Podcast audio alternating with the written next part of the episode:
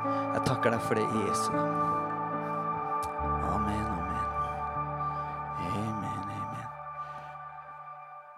Kanonbra, folkens. Skal vi gi dem en eh, skikkelig applaus? Er det ikke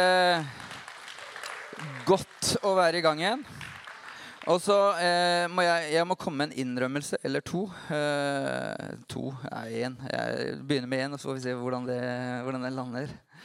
Eh, jeg har ikke sovet siden eh, halv eh, to i natt. Jeg sto opp halv to. Jeg sliter litt med søvn etter noen reisegreier. Så, så jeg blir veldig forvirra av å se at dere sitter så langt kan, kan dere ikke samles mer på midten? Kan vi gjøre det? Altså, Hvis vi bare tar, bare drar oss mot midten, hadde det vært fint? Vi er liksom, Såpass family kan vi være at vi klarer det. Hæ? Å ja, men flytt stolene inn mot midten også, da, dere. Ikke, kjære vene. Skjønner dere ikke hva jeg snakker om? Se her, ja. Du vet hva? Hæ? Ja, det her er bra. Nå begynner det å nærme seg. Dette, dette ser, vi, ser, fint ut. Jeg vil gjerne ha et eller annet eh, Det er så mye enklere når jeg har noe vakkert å se på, enn uh, Det gulvet her er ikke fint i det hele tatt. Så bra. Har dere opplevd det noen gang på et møte? Uh, har dere vært med på det her før? Ok. Uh, jeg skal prøve å si noe, noe fornuftig på en måte også. Um, jeg har bedt, har jeg ikke det? Nei?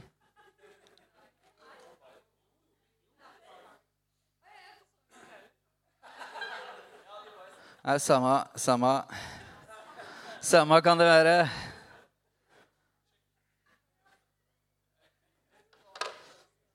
Ja, tynt, det er så tynt, det jeg skal si da, så jeg, jeg må bare drøye mest mulig her nå. Kjøre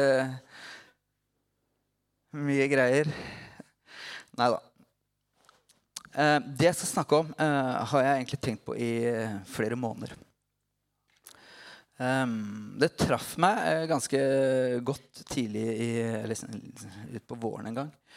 Og nå er det ikke sånn at alt som treffer meg, det skal liksom, på en måte jeg påtvinge dere. Men jeg tror det jeg tenker på, har en videre appell og en større verdi enn at det her gjelder, gjelder meg, for å si det sånn. Er dere med? Så får dere ta det som det kommer. Men eh, jeg har sagt det noen ganger tidligere. Vi leker ikke i kirke. Eh, eller jeg, har, jeg, ønsker ikke å leke i kirke. Eh, vi, vi, vi, må mene alvor med det vi gjør. Så, så, det her kommer til å bli fint. Ok? Bra. Eh, I Matteus kapittel 4, vers 1-4, så står det noe um, interessant. Eh, der står det Jesus ble så av ånden ført ut i ødemarken for å bli fristet av djevelen. Han fastet i 40 dager og 40 netter og ble til sist sulten. Da kom fristeren til ham og sa, 'Er du Guds sønn?' Så si at disse stenene skal bli til brød. Jesus svarte, 'Det står skrevet:" Mennesket lever ikke av brød alene, men av hvert ord som kommer, kommer fra Guds munn. Jeg tenkte å si noe, prøve å si noe rundt, eh, eh, rundt de versa her, eller rundt den historien. Eh, fordi det her er altså på en måte, det her er starten av Jesu tjeneste. Eller i forberedelsen av den. Han hadde akkurat blitt døpt av Johannes, døperen. Og så tar altså det, det, det, er jo fascinerende. Jeg har ikke tid til å gå inn på det, Men det er ånden som fører han ut i ødemarka. Det er ikke, eh, det er ikke noe som lurer han ut, men ånden sier så, Bli med meg ut her. Og der ute så faster han i 40 dager eh, før han da blir frista av djevelen. Og ja hva er den første fristelsen egentlig går ut på? Det fienden sier, eller djevelen sier, er Er du Guds sønn, så si til disse steinene at de skal bli til brød. Og la meg si det sånn Jeg tror at djevelen visste hvem han var. Men det han prøver å gjøre, det er å så tvil hos Jesus om hvem han er. Og ved å så tvil om hvem Jesus er, at han, at han eh, prøver å så inn noe greier der Få fristen til å prøve å bevise hvem han er. Er dere med på tanken? Og det er jo ikke noe tvil om at Jesus kunne gjøre de steinene til brød. Men ut ifra si sånn, et naturlig ståsted så vil jeg tro det er veldig fristende også. Det står litt sånn, eh, litt sånn eh, Jeg vil si litt, litt, litt passivt, eller litt sånn eh, litt, Han ble til slutt sulten, står det. Etter 40 dager uten mat. Og, så tenker jeg du er mer enn litt sulten. altså Du er jo utsulta. Så du kan si den fysiske fristelsen etter å gjøre de steinene til brød, det må være ganske stor. Men han står imot det. Han gjør det ikke Og jeg tror faktisk det er sånn at Nå skal jeg ikke gå inn på det heller, men jeg tror det, det hadde hatt ganske store konsekvenser for oss hvis han hadde gjort de steinene om til brød. Men poenget mitt er at Jesus visste hvem han var, og han trengte ikke bevise det. Det var en tid hvor han skulle vise det. Og du kan lese videre hvordan han virkelig viste det viste, øh, viste at han visste hvem han var, og hva han var god for. Og du kan si, du, du, trenger ikke gå veldig mange vers fram i Matteus 4, så ser du alt det han gjorde. Han begynte tjenesten sin rett etterpå. Og da, da gjorde han mer enn det å gjøre steiner til, mm, eh, stein til brød. Han helbreda syke, han drev ut noen ånder. Han gjorde en hel masse bra greier. Og når de kom til så sier han, altså, Om ikke dere tror på meg for det jeg sier, om ikke han tror på meg for det jeg gjør Dere burde skjønne at det er noe spesielt med meg ut ifra hvem jeg er, og hva jeg representerer. Og så var det alle de tingene han sa om seg selv. Han sa en hel del ting om seg sjøl. Han sa 'Jeg er veien, sannheten og livet'. Og Johannes 11, i forbindelse med når Lasarus skulle vekkes opp fra døde jeg synes det, Der sier jeg Han ber en bønn. Har jeg fått vann? Når skjedde det? OK. Jeg trodde jeg hadde kaffe, men det var vann, det. Eh, litt overraskende. Ok. Hvor var vi igjen? Det var Johannes, var en bønn, var det ikke det? Jo. I Johannes 11, 41 og 42 så sier Jesus, der står det, Jesus løfter blikket mot himmelen og sa, Far, jeg takker deg fordi du har hørt meg. Jeg vet alltid at du hører meg. Men jeg sier det her av de folka som står omkring meg, sånn at de skal tro at du har sendt meg. Og så sier han, 'Lasarus, kom ut'. Så du kan si Jesus visste hvem han var. Men poenget, eller det jeg vil fram til her Jeg tror faktisk det er sånn at du kan se hva fienden er redd for, på hva han angriper. Jeg sier det en gang til. Jeg tror du kan finne ut av hva fienden er redd for, ut ifra hva han angriper.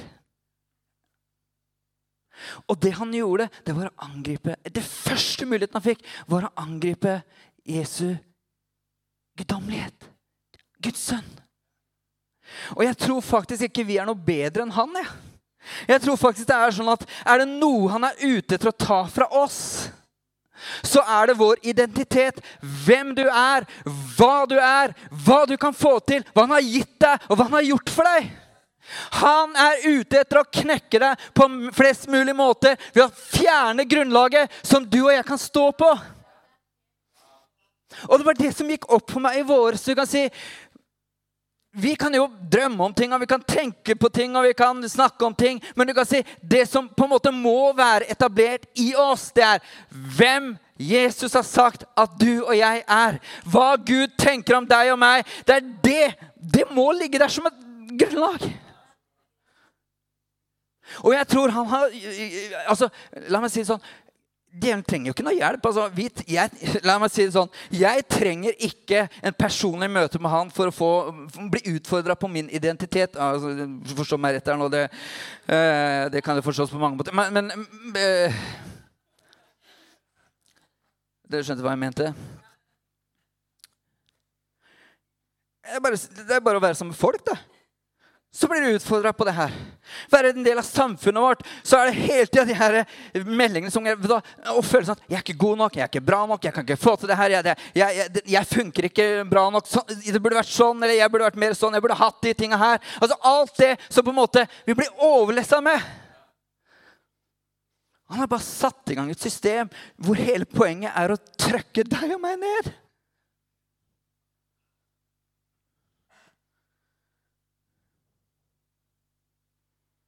Så jeg tipper at du og jeg kan kjenne igjen den fristelsen.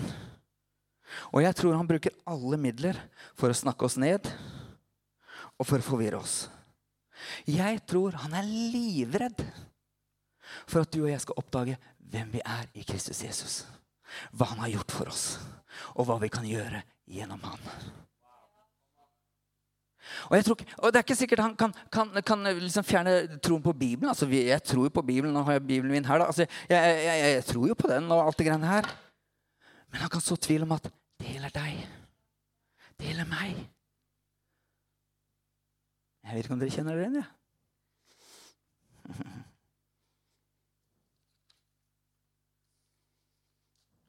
Det gjelder deg. Og det gjelder meg. Hva var det svaret Jesus ga til Han eh, ble frista her, da? Han, han, for det første så svarer han med Guds ord. Han svarer med et bibelvers fra Gamletestamentet.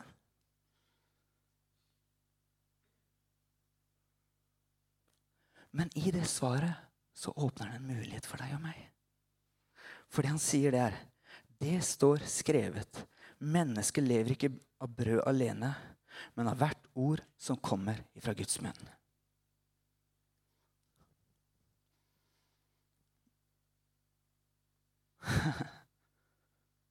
Hva var det siste ordet Jesus hadde hørt fra Guds menn før det her skjedde?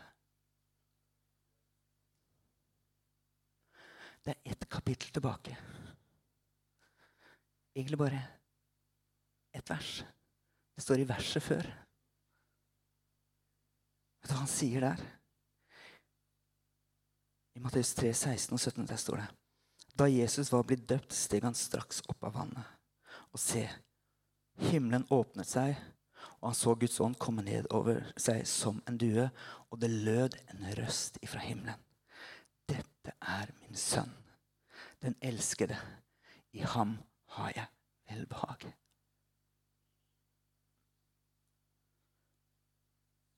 Dette er min elskede sønn. I ham har jeg velbehag. Og så tar det 40 dager, cirka. Og så kommer han in person og sår tvil om akkurat det Gud hadde sagt. Er du Guds sønn? Er du Guds sønn?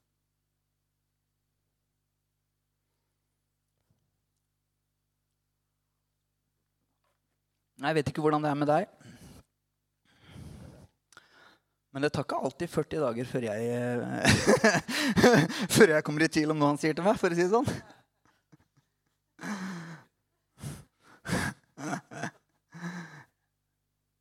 «40 minutter? Du er heldig. Altså, du får en tanke.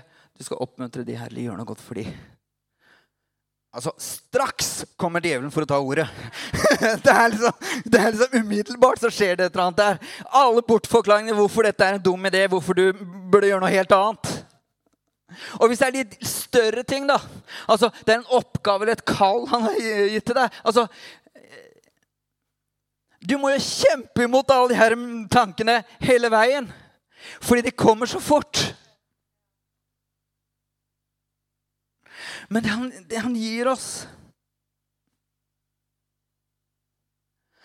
Det han gir oss, er en mulighet dette kan vi håndtere. Jeg ønsker å hjelpe dere med det her. Jeg, ønsker å, jeg, ønsker å, jeg gir dere et redskap som, kan, som kan etablere noe på innsida di, som står trygt i det her. Fordi det Jesus ønsker, det er at vi oppdager hvem vi er. Og det han gjør, er å lede oss til Bibelen, eller lede oss til Ordet, fordi han er Ordet. Og hva er det han sier? Han sier mennesket lever ikke av brød alene, men av hvert ord som kommer fra Guds munn. Så det er noe levende, det er noe livgivende med Bibelen. Fordi det han sier til oss, det gir oss verdi. Det han sier til deg, det gir deg fred. Det han sier, gir deg en opplevelse av å være elska. Det han sier til deg, gir deg en opplevelse av at du er viktig, du er betydningsfull, du har en hensikt. Du er ikke alene i verden. Han er med deg, han er interessert i deg. Det er det han ønsker å formidle til deg når vi lytter til hva han har å si. Og, si, og jeg må si det sånn, jeg er så glad for at Guds rike er annerledes enn den verden som er rundt oss. Fordi når Gud sier noe, hans ord er konstant. Det er evig. Det gjelder. Det står faktisk Han angrer ikke sin nådegave og sin utvelgelse. Altså Når han gir deg noe og sier noe til deg, så er det der! For alltid!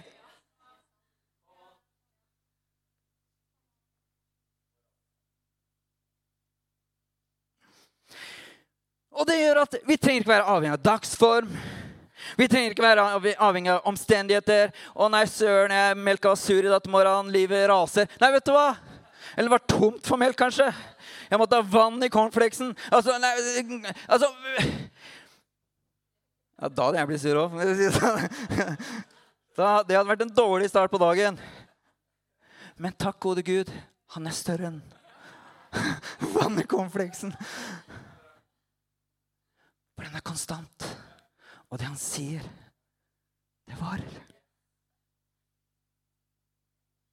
Og når han sier noe, så kommer det som en bekreftelse på innsida.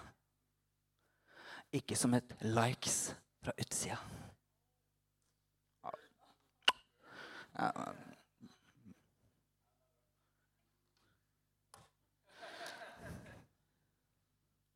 Og for det andre jeg er så glad for at Guds rike er annerledes.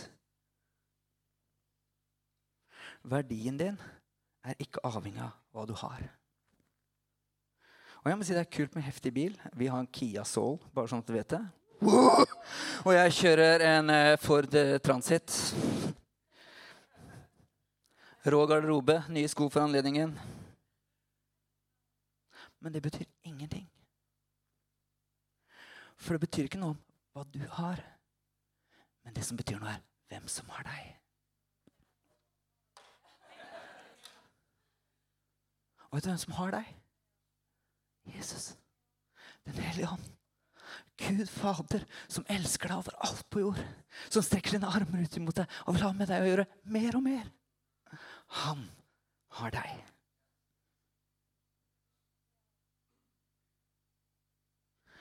Og vet du hva, Jeg er så glad for at Guds rike ikke er som andre riker, holdt jeg på å si. Fortiden din, god eller dårlig Det som betyr noe, er å være en ny skapning i Kristus Jesus. Han ser framover. Han ser framover og tenker Tenk hva vi skal være med på. Nå, nå, nå, nå setter vi en strek. Nå går vi videre. Det er sånn han er.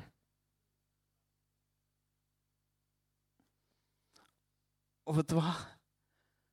Det fjerde Jeg er så glad for at identiteten min ikke sitter i tjenesten. Eller det jeg kan få til. Men min identitet, min verdi og det at Gud elsker meg, sitter i at jeg er hans barn. Og alt jeg gjør, istedenfor at det skal lede opp til å blidgjøre han, så kan jeg vite det på forhånd, og det jeg gjør, kommer ut ifra at han elsker meg. Gir det mening? Skal jeg bli litt praktisk her? For dere som har hørt Agnar eh, tale noen gang, så, så eh, Jeg har i hvert fall hørt et par ganger hvor han, han, hvor han snakker om betydningen av Bibelen. Jeg, han er glad i Bibelen. Men en av de tingene, det er undersøkelser som sier det at eh, det å lese Bibelen det er faktisk det som viser seg å ha mest effekt for at du og jeg skal vokse som troende.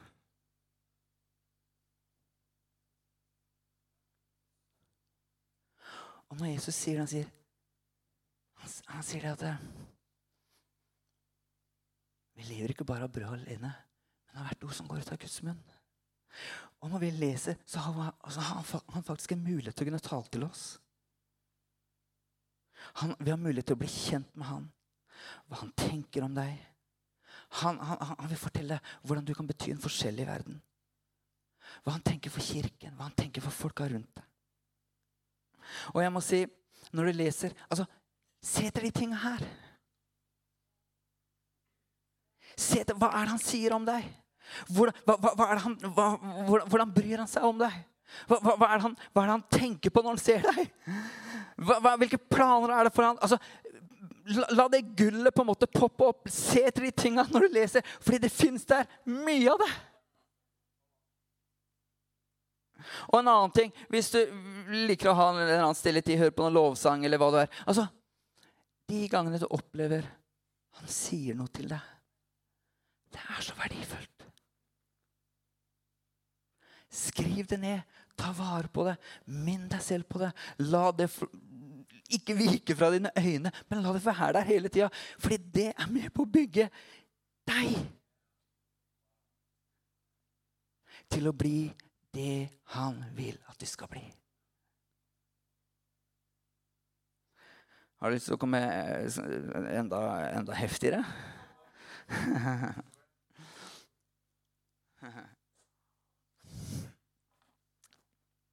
Grunnen til at jeg snakker om det, altså det er veldig lett for meg å si de tinga, for jeg, jeg, liker jo Bibelen. Og jeg vet det er trøblete for mange, fordi de har ikke det forholdet de syns er vanskelig å få noe ut av det. Og du kan si jeg, jeg, Tro meg, jeg, ber for det. Jeg ber om åpenbaring. Jeg ber om at det skal bli levende. Men en ting som kanskje kan være en hjelp, da nå, nå, kan jeg ikke gi referansen på det her, eh, dessverre. Og hvis dere skal ha referansen på den undersøkelsen, Agnar vet det. Snakk med Agnar. Han, han kjenner det. Men, men eh, det var en bok som var skrevet eh, for en stund siden, som handla om undergrunnskirkene i Kina på 80-tallet. Eh, og nå vet ikke jeg hvordan det er å være kristen i Kina eller ha kirke i Kina i dag. Det, det, det er nok ikke det enkleste, for å si det sånn. Uh, og, og, en del av de som har vært pastor og ledere i de kirkene, de, de, de har jo for det første gjort det i skjul. Og de må tåle mye forfølgelse. Og ganske mange av de har blitt martyrer. Og så hadde de prøvd å finne ut hva er det som gjør at noen er villig til å bære det her, den byrden og gå så langt at de er villig til å ofre livet sitt for kirken og for, for Guds sak. Eller for Guds rike. Og vet du hva de hadde kommet fram til? De hadde kommet fram til at de som gjorde det, de hadde pugga Bibelen. De hadde memorert det. Det var liksom ikke sånn at de, de hadde en lesestund, men de tok med seg den lesestunden inn i hverdagen og lot den være med hele tida. Og vet du hva? Jeg har faktisk gått på bibelskole. Jeg er ganske stolt av det. Jeg har faktisk gått på bibelskole. Og vet du hva nå? Hersens greier vi måtte gjøre der. Vi måtte pugge et vers i uka. Eller et par vers i uka. Det er det dummeste, ikke sant? For noen idioter. Så i løpet av et år da, så er det kanskje 40 vers eller 40 avsnitt eller sånt som man måtte pugge. Men du verden så bra det har vært. For de versa, de dukker opp stadig vekk. De dukker opp og hjelper meg å ta gode beslutninger. De dukker opp når jeg har det vanskelig. De minner meg på hvem jeg er, og de minner meg på hvem Gud er. De er der hele tida. Og jeg husker, det her, nå, det her Ikke for å skryte, men uh. Jeg sier det for å skryte. men jeg tenkte jeg skulle pugge hele Efeserbrevet. Så jeg pugga fire kapitler av Efeserbrevet. Og jeg trodde jeg skulle bli gæren på en positiv måte. Fordi det gikk og jobba i meg hele tida. Jeg tenkte jo bibelvers 24-7, som Theodor sier det. Min sønn Theodor. Altså, det, det, var, det var, der hele tida. Og du kan si det var, no, det var så bra! Og jeg husker fortsatt store deler av Efeserbrevet fordi jeg pugga det den gangen, og det er til hjelp for meg den dag i dag.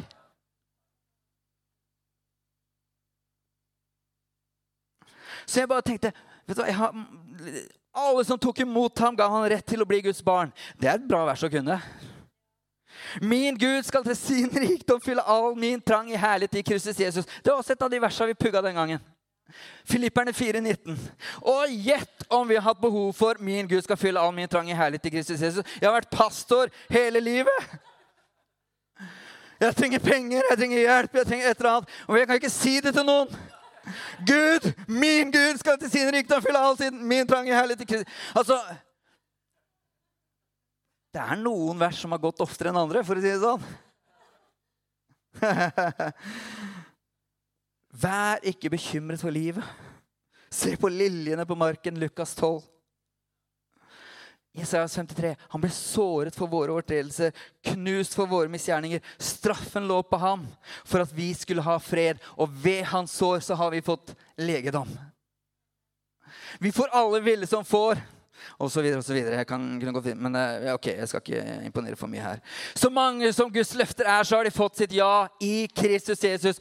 Ham til ære ved oss. Vet du hva? Det her er ikke noe jeg finner på. Det er bibler som jeg har pugga. Og du kan si dette hjelper meg i livet. Det gjør at jeg står her i dag. Det er fordi Bibelen, ordet, har fått innpass hvert fall på deler av livet mitt, om ikke annet. Heite, eller jeg, jeg, jeg, jeg, tenkte Det skulle ikke bli så personlig. Jeg skulle egentlig være mer eh, allmenn og ja, ja. Ok. Oi, oi, oi. Skal vi si vi er ferdige? vi sier vi er ferdige. Ok.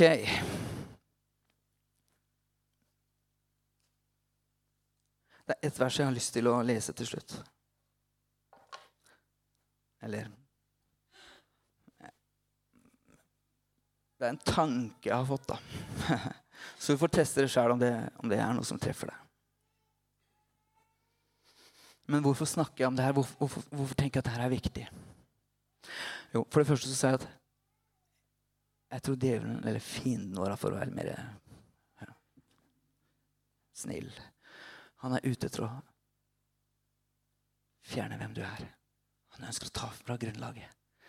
Identiteten din i Kristus Jesus. Og Hvis du leser Romerne 8, det er et veldig bra kapittel i romerbrevet. Fantastisk brev. Og der står det så mye fint. Det begynner med at eh, så er vi ikke da et eller annet. Så er det da ingen fordømmelse for den som er i Kristus Jesus. Ja, det var det det var. Og så fortsetter det Han som reiste opp, reiste Jesus opp fra døde. Og dersom Hans ånd bor i dere, Han som reiste Kristus opp fra døde så skal han gi deres dødelige kropp liv ved sin ånd som bor i dere. Derfor så skylder vi ikke kjøttet noe, sier han videre. Så vi skulle leve sånn som det vil. Men ånden dreper kroppens gjerninger så vi skal leve. Alle som drives av Guds ånd, de er Guds barn. Og vi har ikke fått en ånd som slaven hadde, men vi har fått en ånd som gir frihet. Den som gir liv. Og han har gitt oss Vi har fått ånden som gir oss rett til å være Guds barn, står det. Og den gjør at vi kan rope 'pappa, pappa'. Og ånden vitner med vår ånd om at vi er Guds barn. Og er vi barn, så er vi arvinger. Vi er arvinger og Kristi medarvinger. Og vi skal få del i herligheten sammen med ham. Det er fine vers. Og på slutten av det kapitlet så sier han, hva skal vi si til dette? Er Gud for oss, hvem kan da være imot oss? Han som ikke sparte sin egen sønn, men gav ham for oss alle. Kan han gjøre annet enn å gi oss alle ting sammen med han? Hvem kan anklage Guds utvalgte? Gud er den som frikjenner. Hvem er det som fordømmer? Det vet vi. Kristus er den som døde. Ja, mer enn det. Han sto opp og sitter ved Guds høyre hånd. Han ber for oss. Hva kan skille oss fra Kristi kjærlighet? Nød? Nei. Det er, det er eh, Retoriske spørsmål, er det det de kaller det? Angst? Nei. Forfølgelse? Nei. Sult, nakenhet, fred eller sverd? Som det skrev, så skrevet, for din skyld drepes vi dagen lang, men vi regnes som slaktesauer.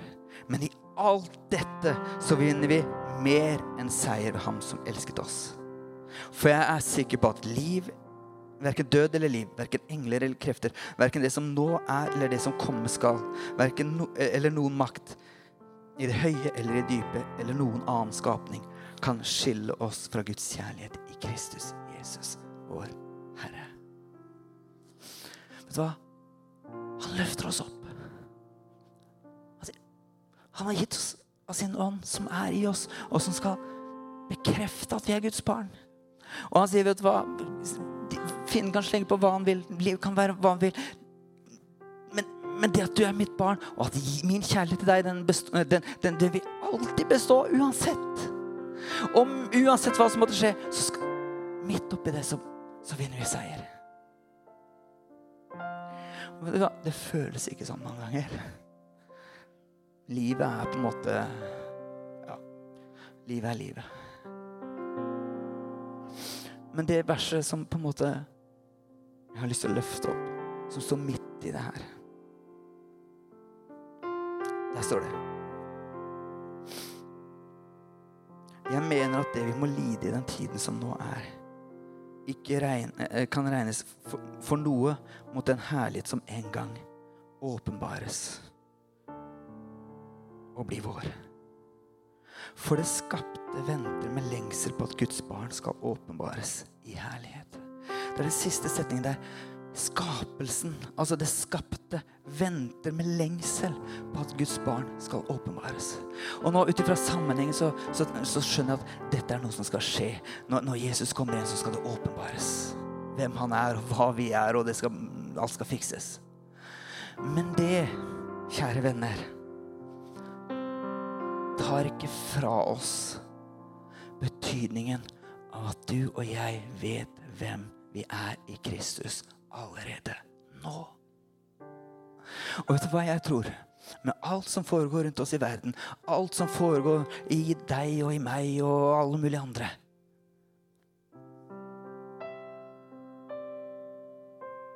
Så tror jeg samfunnet rundt oss akkurat nå lengter og roper og venter med lengsel på at du og jeg skal oppdage hvem vi er i Kristus Jesus nå. Hvilken effekt vi som kirke kunne ha hvis dette gikk opp for oss på alvor. At du er Guds barn med alt hva det innebærer. At han har når han ga Jesus på korset, som døde for vår skyld, så kunne han ikke Han som ikke sparte sin egen sønn, hvordan kunne han annet enn å gi oss alle ting med ham? Les Efeserbrevet, kapittel 1, 2 og 3, og se hva, hva han sier om oss, hva han har gjort for oss. Vet du hva? Jeg ber om åpenbaring. At, at våre øyne skal, skal få glimt av de greiene her.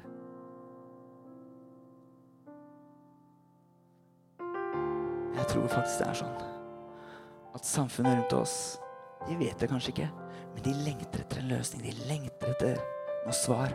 Og jeg tror du og jeg sitter på nøkkelen ved at vi oppdager hva Jesus har gjort oss til. Oppdager hva Jesus har gjort for oss og for alle mennesker.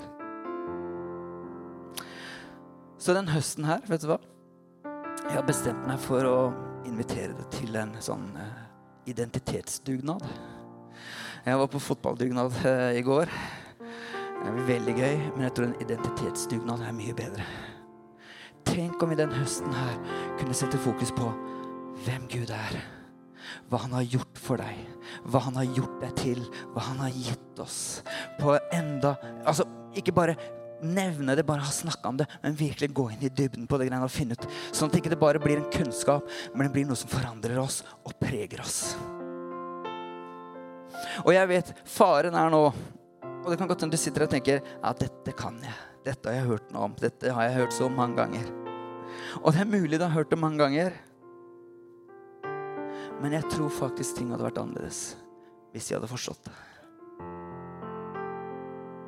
Og jeg tror det handler om de berømte 30 cm. Hvor det går fra en kunnskap til en overbevisning på innsida.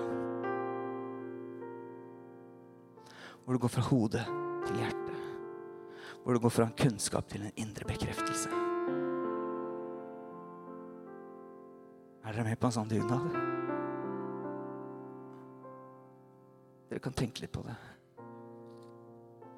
Jeg takker deg, far for din godhet. Jeg takker deg for de versa som vi leste fra Romerne 8. At de faktisk er sanne. Når du sier at du har gitt oss av din ånd, du har gitt oss frihet Du har gitt oss Du, du, har, du, du har, sagt at vet du hva, det er ingen fordømmelse. Ingen som skal rakke ned på dere eller klage eller trykke dere ned. Eller de kan prøve. Men, men på grunn av at du er den du er, så ønsker du å stille de stemmene. Og bare åpne våre øyne, så vi kan se hvem du er. Jeg ber om at du skal hjelpe oss i høst, Herre. Jeg ber om at du skal hjelpe oss, i høst. Vi trenger din hjelp. Din hjelp til å se muligheter. Din hjelp til å se potensial. Din hjelp til å se åpne dører. Din hjelp til å tørre. Din hjelp til å tro. Og din hjelp til å ta imot alt det gode du har gitt oss, Herre. Jeg ber om at du skal åpne øynene våre, sånn at vi virkelig ser det her klart.